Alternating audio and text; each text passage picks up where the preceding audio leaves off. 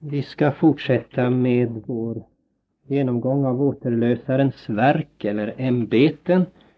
Och vi talade förra gången om Jesu prästerliga ämbete. Och det ska vi fortsätta med ikväll. Och vi ska då säga något om Kristi prästerliga ämbete i upphöjelsens tillstånd. Kristi prästerliga ämbete upphörde ju inte med hans offerdöd på korset. Det var inte slut i och med att hans förnedringstid var slut. Hans prästerliga ämbete fortsätter i himmelen. Han har ju enligt Bibeln ett evigt prästadöme, ett oförgängligt prästadöme. Det kan aldrig upphöra, aldrig förgås eftersom han förblir till evig tid. Och därför kan han också till fullo frälsa dem som genom honom kommer till Gud.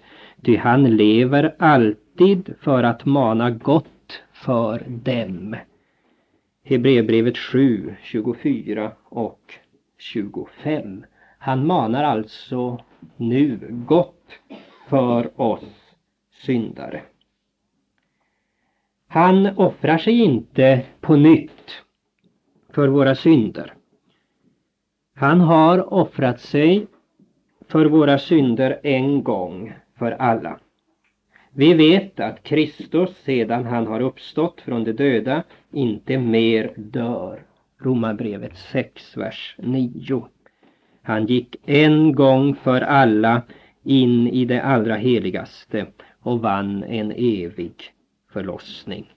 Hebreerbrevet 9.12 och Hebreerbrevet 7.27 Det är på grundval av denna förlossning, på grundval av sitt återlösningsverk som han manar gott för oss, som han tar sig an oss, som han talar till vår förmån under hänvisning till sin ställföreträdande gottgörelse. Han sitter på Guds högra hand. Han manar gott för oss. Romarbrevet 8.34. Han lever alltid för att mana gott för dem, står det i Hebreerbrevet 7.25. Om någon syndar så har han en förespråkare hos Fadern, Jesus Kristus som är rättfärdig. Och han är försoningen för våra synder, ja inte bara för våra utan också för hela världens. Första Johannes brev 2, 1 och 2. Om någon faller i synd, när vi syndar, då har djävulen, vår åklagare, verkligen stora möjligheter att anklaga oss inför Gud. Uppenbarelseboken 12.10. Och det är då som vår förespråkare träder fram, träder emellan för oss och ber om nåd för oss under hänvisning till sin gottgörelse. Så manar han gott för oss. Att Kristus tar sig an det troende, det ser vi av Romarbrevet 8, 33, 34. Vem vill anklaga Guds utvalda? Gud är den som rättfärdiggör. Vem är den som vill fördöma? Kristus Jesus är den som har dött, ja än mer, den som har uppstått. Han sitter på Guds högra hand. Han manar också gott för oss. Och Kristus bad för sina lärjungar men inte bara för de lärjungar som då hade kommit till tro och levde tillsammans med Jesus. Utan han ber också för dem som genom deras ord kommer till tro på mig. Johannes 17.20. Alltså för alla dem som i framtiden genom det apostoliska ordet, genom evangelium kommer till tro. Och vilken tröst är inte detta för oss? Vilken tröst är det inte att veta att trots våra synder och våra svagheter så talar Kristus till vår förmån och omsluter oss med förtjänsterna från sin återlösning. Och det är hans återlösning som är föremålet för vår förtröstan, vår tro. Kristus har alltså personlig omsorg, personligt intresse för var och en av sina lärjungar. Nu vill Kristus att syndarna ska bli omvända. Att de ska vända om från sin onda väg och tro på honom, inte förgås. Han är långmodig mot er eftersom han inte vill att någon skall förgås utan att alla skall vända sig till bättring. Andra Petri 3, vers 9. Eller föraktar du hans godhet, skonsamhets och långmodighetsrikedom utan att förstå att denna Guds godhet vill föra dig till bättring? Romarbrevet 2.4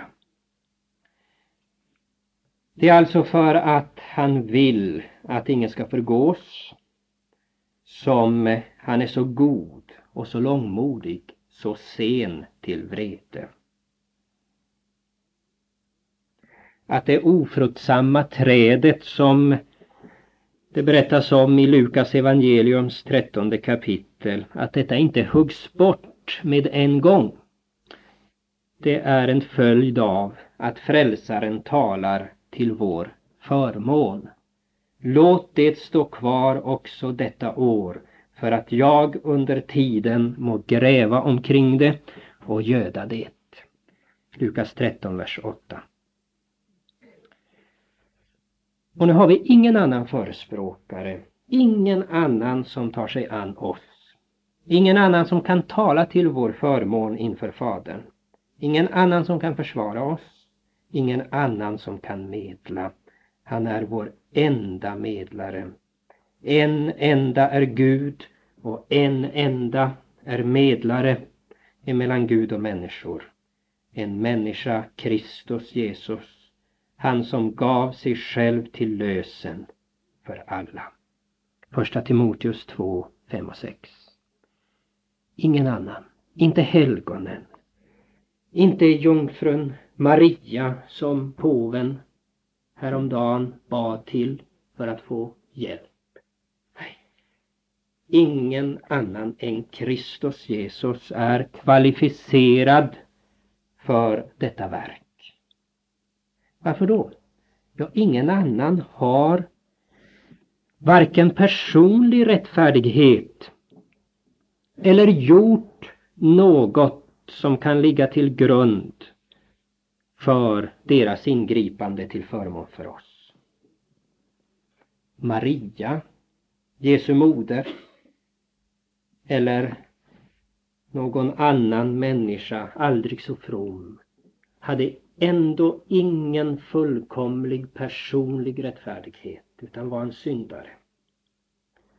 Och hade ännu mindre gjort någonting som kan ligga till grund för ett ingripande till vår förmån. Men Kristus, han är rättfärdig och han är också försoningen för hela världens synder. Han har inte bara en personlig rättfärdighet, han har också gottgjort fullkomligt för hela världen. Och därför har han rätt att tala för oss och hans medling, den är verksam. Det var något om Jesu prästerliga ämbete. Och så ska vi till sist tala om Jesu konungsliga ämbete. Jesu konungsliga ämbete. Kristus, han är konung. Och en konung har makt, har auktoritet att regera ett land, ett rike. Och att Messias skulle vara en konung det är förutsagt i skriften. Han skulle vara en konung av Davids hus. Ditt hus, David, och ditt konungadöme skall bli beståndande inför dig till evig tid. Ja, din tron skall vara befäst för evig tid. Andra Samuelsboken 7.16 Jag har slutit ett förbund med min utvalde. Med ed har jag lovat min tjänare David. Jag skall befästa din säd för evig tid och bygga din tron från släkte till släkte. Psaltaren 89, 4 och 5. Och till följd av detta löfte till David och hans hus så kallas Messias i Hesekels 34 kapitel kort och gott för David. Jag skall sända min tjänare David till er. Och han kallas också och oftare för Davids son. I Sakarja 9.9 uppmanar profeten Jerusalem att fröjda sig över sin konungs ankomst. Se din konung kommer till dig. Rättfärdig och segerrik är han. Han kommer fattig, ridande på en åsna, på en åsninnas fåle. Och i Jesajas profetior läser vi om ett barn som ska födas av en jungfru 7.14 till att utöka herradömet och skapa frid utan ände över Davids tron och över hans rike. Jesaja 9, 6, 7. Och i elfte kapitlets första vers talas det om honom som telningen som kommer från Isais avhuggna stam. Och Jesus, han var av Davids hus och släkt. Lukas 2.4. Och när han föddes då frågade de vise männen från östern efter den nyfödde judakonungen. Matteus 2.2. Och inför Pilatus vittnade Jesus att han var en konung. Då sade Pilatus till honom, så är du dock en konung. Jesus svarade, du säger det själv att jag är en konung.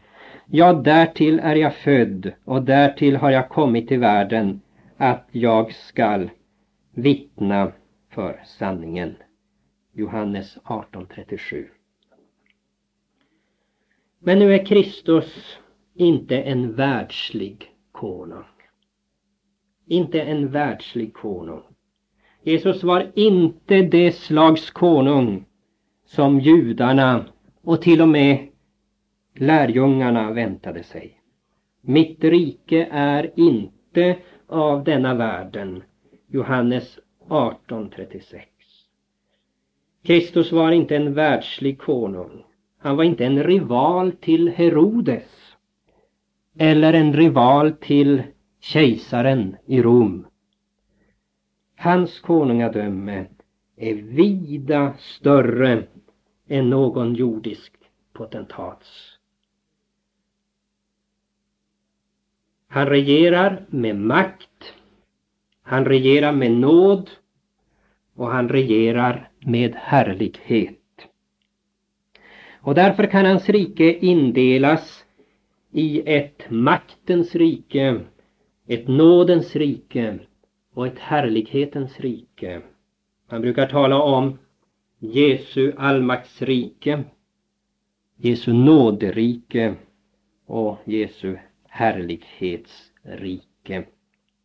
Vad menar vi då först med hans allmaktsrike? Ja, hans allmaktsrike är inte begränsat till någon del av jorden. Det går inte att dra upp geografiska gränser och säga där är Kristi rike, Messias rike. Alltså inte så som man vill göra när man har svärmiska drömmar om ett jordiskt tusenårsrike. Där, den delen av geografin, det är Messias tusenåriga fridsrike. Nej, hans rike omfattar hela universum och sträcker sig till alla skapade varelser, både synliga och osynliga.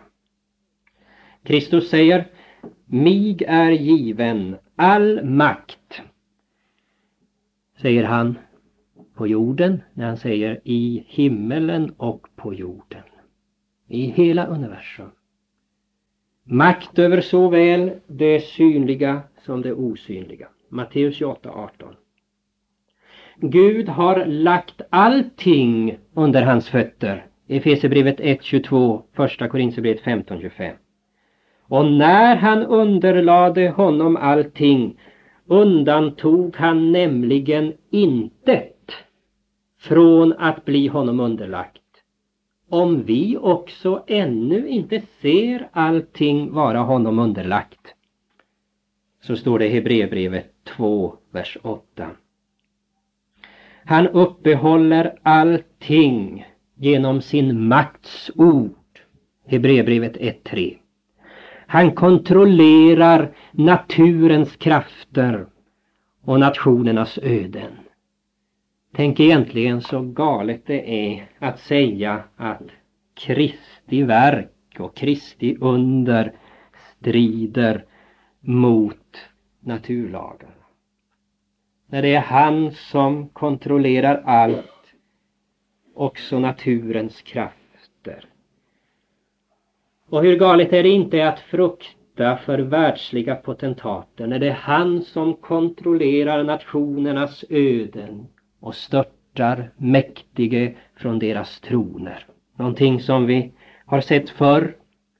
Om vi tänker på Napoleon eller Hitler eller Stalin eller som vi ständigt ser i våra dagar. Ena dagen så är det en fruktansvärd envåldshärskare, en fruktansvärd tyrann och nästa dag så är han störtad och måste själv plikta med livet. Utan Kristi vilja så faller inte en sparv till marken. Inte heller ett hår från våra huvuden. Han härskar inte bara bland sina egna tillbedjare och lärjungar utan också mitt ibland fienderna.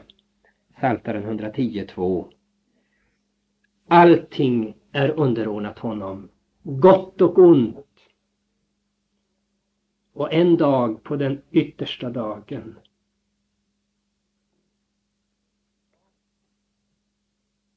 då ska alla knän böja sig. Filipperbrevet 2, 9 till 11. I Uppenbarelseboken 17.14 så kallas han herrarnas herre och konungarnas konung. Vad menas då med nåderiket? Ja, nåderiket innefattar inte alla skapade varelser. Inte ens alla människor. Utan endast det som genom evangeliets predikan om riket fötts på nytt. Johannes 3, 3 och 5. Endast de sant troende är medborgare i detta rike. Efesierbrevet 2.19.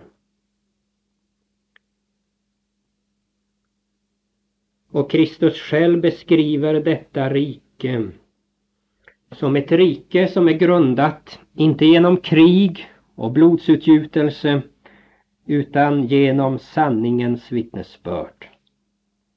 Och det regeras inte av människogjorda lagar och ordningar utan endast av hans ord. Johannes 18.37 Och detta rike har visat sig vara starkare än världens riken. Och det är det som, kan vi tillägga här inom parentes, som också Daniels bok handlar om och vill stryka under. Det mäktiga romerska riket som Pilatus representerade, det har gått under. Men den korsfästes rike har fortsatt och blomstrat trots blodig förföljelse. Hån, begaberi sönderslitande villoläror och mycket annat. Och det kommer att bestå till tidens ände. Saltaren 2, Saltaren 46, 4 och 5, Matteus 16, 18. Helvetets portar skall inte bli detta rike övermäktiga. Det kallas ett nåderike.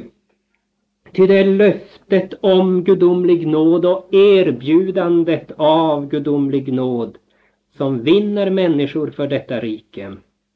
Det är trons mottagande av denna nåd som gör människor till medborgare i detta rike. Och det är glädjen över denna nåd som gör att de villigt vill lyda sin konung. Detta rikesväsen är därför inte en yttre organisation eller den synliga kyrkan i världen utan Guds rike är invärtes i er. Lukas 17, 20 och 21.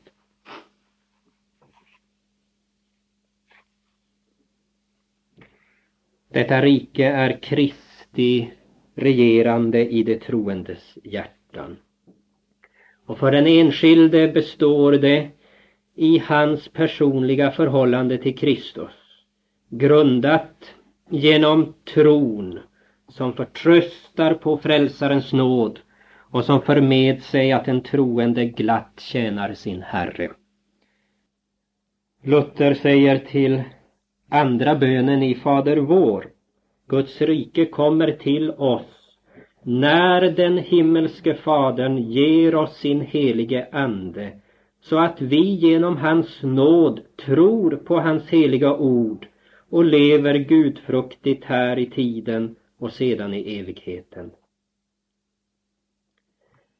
Men eftersom det finns många andra som på samma sätt tror på Kristus och tjänar honom så innefattar nåderiket alla dem som Kristus samlar från alla folkslag, stammar, folk och tungomål genom evangeliets predikan, alla som erkänner honom som sin konung och regeras av hans ande.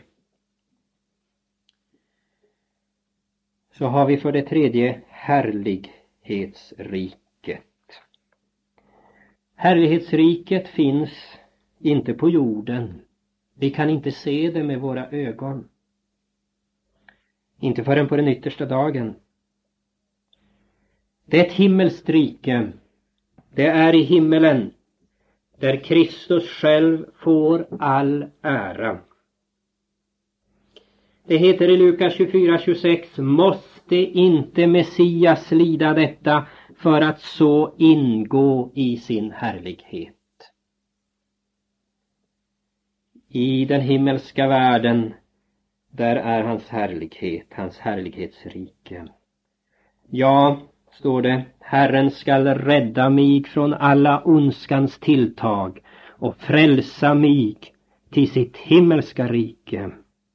Andra Timoteus 4.18 Hans himmelska rike är detsamma som hans härlighetsrike. Fader, jag vill att där jag är, där skall också det som du har givit mig vara med mig så att de får se min härlighet som du har givit mig.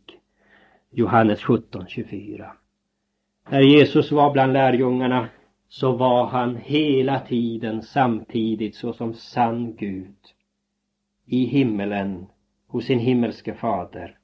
Men det kunde lärjungarna inte se. Och de kunde inte se denna hans härlighet Men Jesus vill att de ska komma dit. Till samma himmelska rike.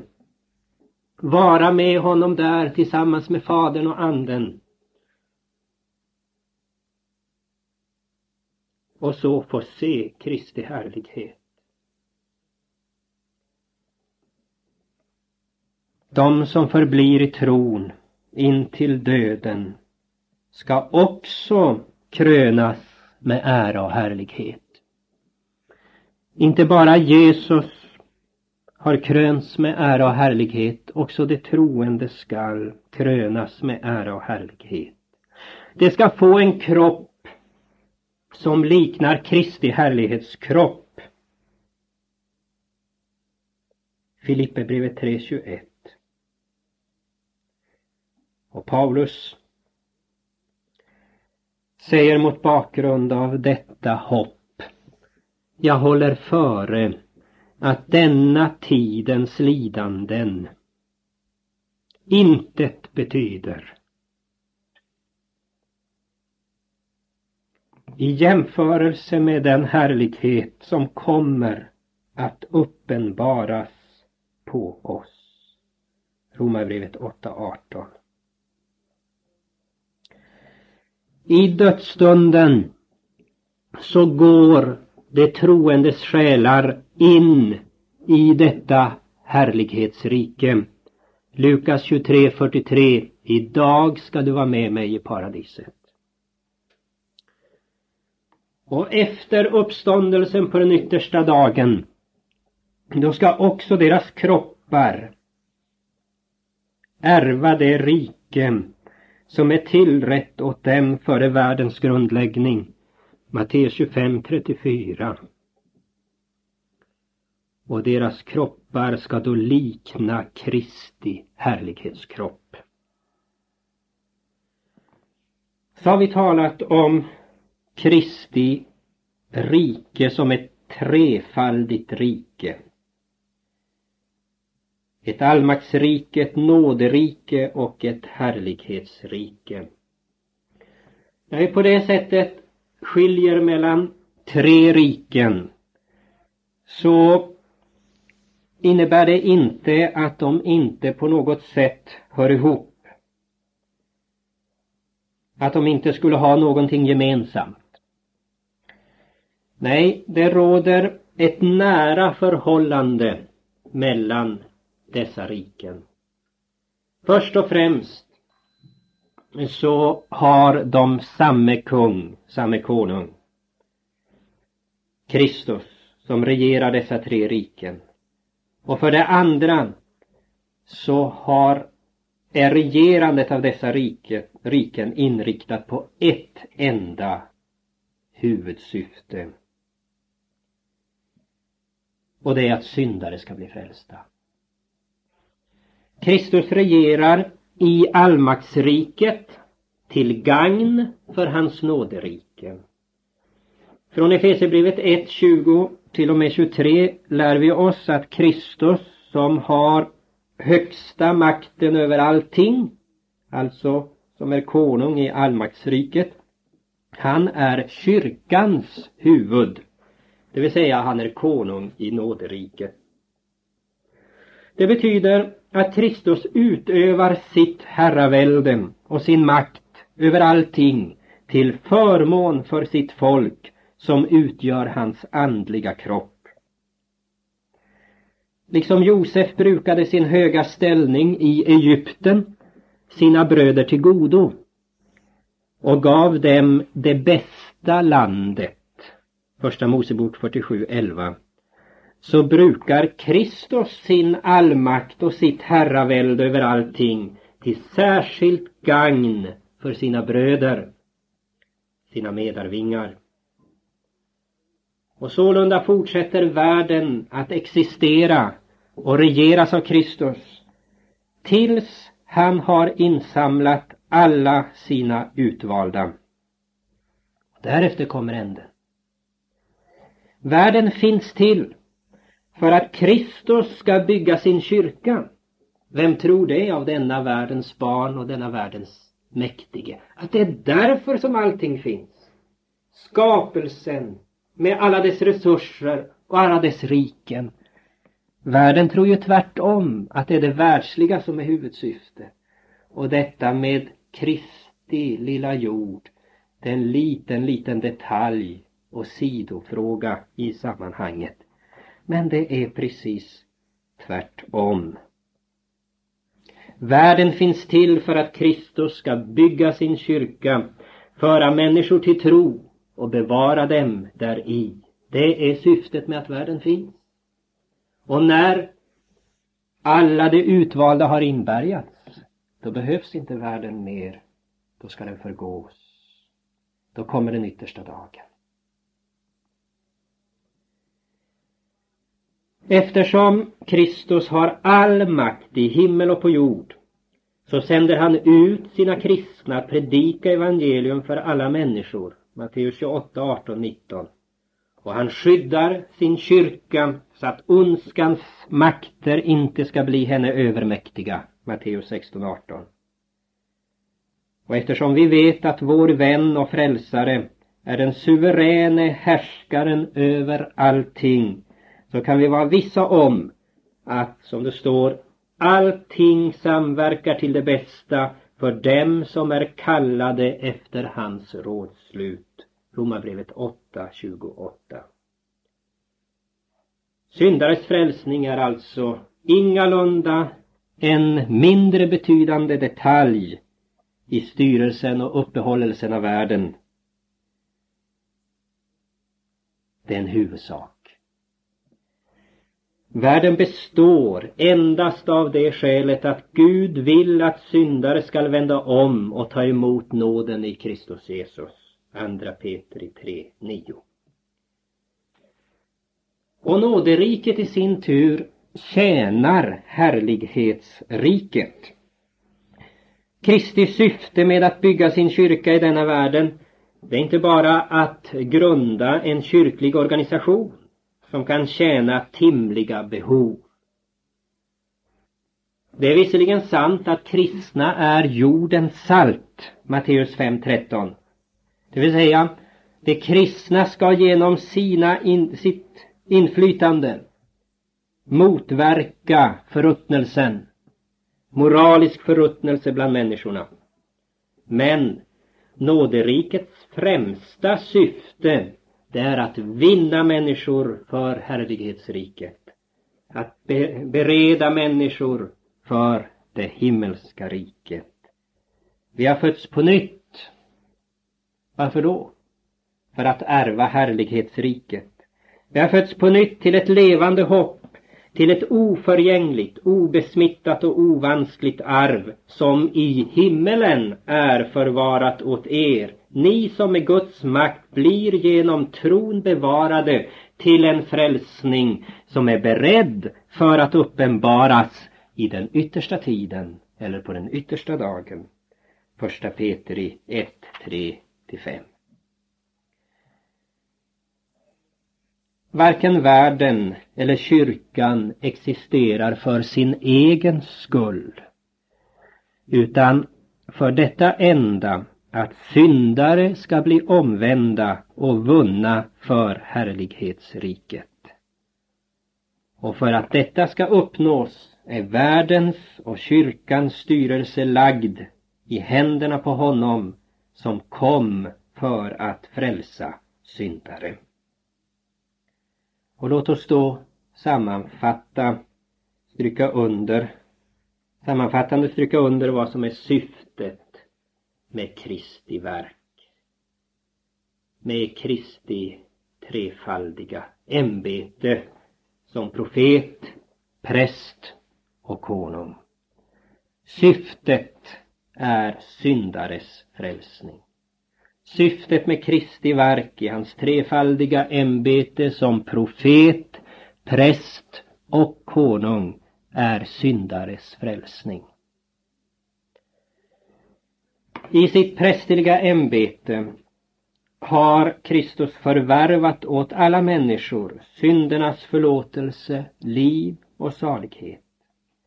I sitt profetiska ämbete så tillkännager han detta faktum för människorna och överräcker, erbjuder åt alla välsignelserna av sitt återlösningsverk.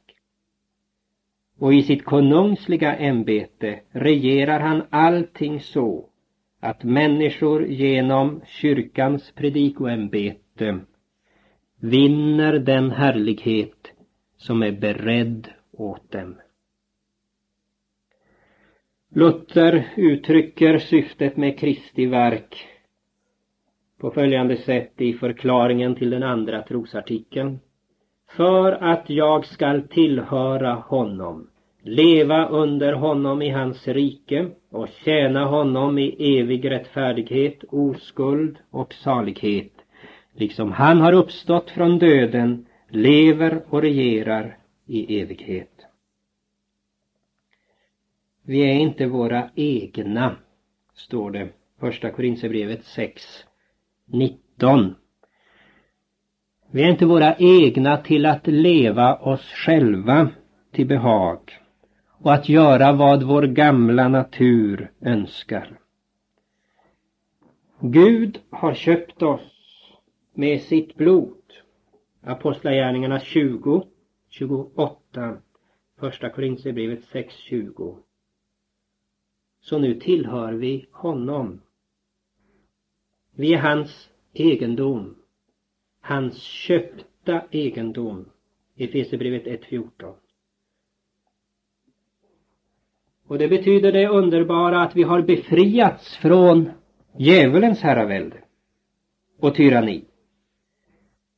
Vi har befriats från synden, döden och djävulens våld. Det talade vi om förra gången.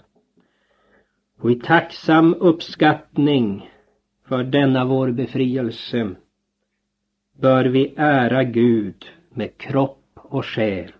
Första Korinthierbrevet 6.20 genom att leva under honom i hans nåderike och glatt tjäna honom i rättfärdighet och helighet i alla våra livsdagar. Som vi läser i Lukas 1, 74 och 75. Han har dött för alla, på det att de som lever inte mer må leva för sig själva, utan leva för honom som har dött och uppstått för dem. Andra Korinthierbrevet 5.15. Och liksom Kristus är uppstånden, lever och regerar i all evighet, så ska också vi uppstå från de döda. Lika säkert, lika visst. Och leva och regera med vår Herre i härlighetsriket i all evighet. I ett rike som inte har något slut. Detta är ett fast ord. Ty har vi dött med honom så skall vi också leva med honom. Är vi ståndaktiga så ska vi också regera med honom. Andra Timoteus 2, 11 och 12. Och Jesus säger Mina får lyssnar till min röst och jag känner dem och de följer mig och jag ger dem evigt liv och det ska aldrig någonsin förgås och ingen skall rycka dem ur min hand. Johannes 10, 27, 28. Och därmed har vi avslutat vår genomgång av den del av den kristna tron som handlar om frälsningen av nåd genom återlösningen i Kristus Jesus. Vi har klargjort vad kristendomen lär om Guds frälsande nåd och om Kristi person och verk. Nästa gång så ska vi gå över till att tala om frälsningen av nåd genom den helige Andes helgelse eller heliggörande verk. Vi har alltså nu talat om frälsningen av nåd genom återlösningen i Kristus Jesus. Och nästa stora avdelning av den kristna tron som vi här behandlar är frälsningen av nåd genom den helige Andes heliggörande verk. Och det får vi börja med nästa gång. Och då kommer vi in först på omvändelsen.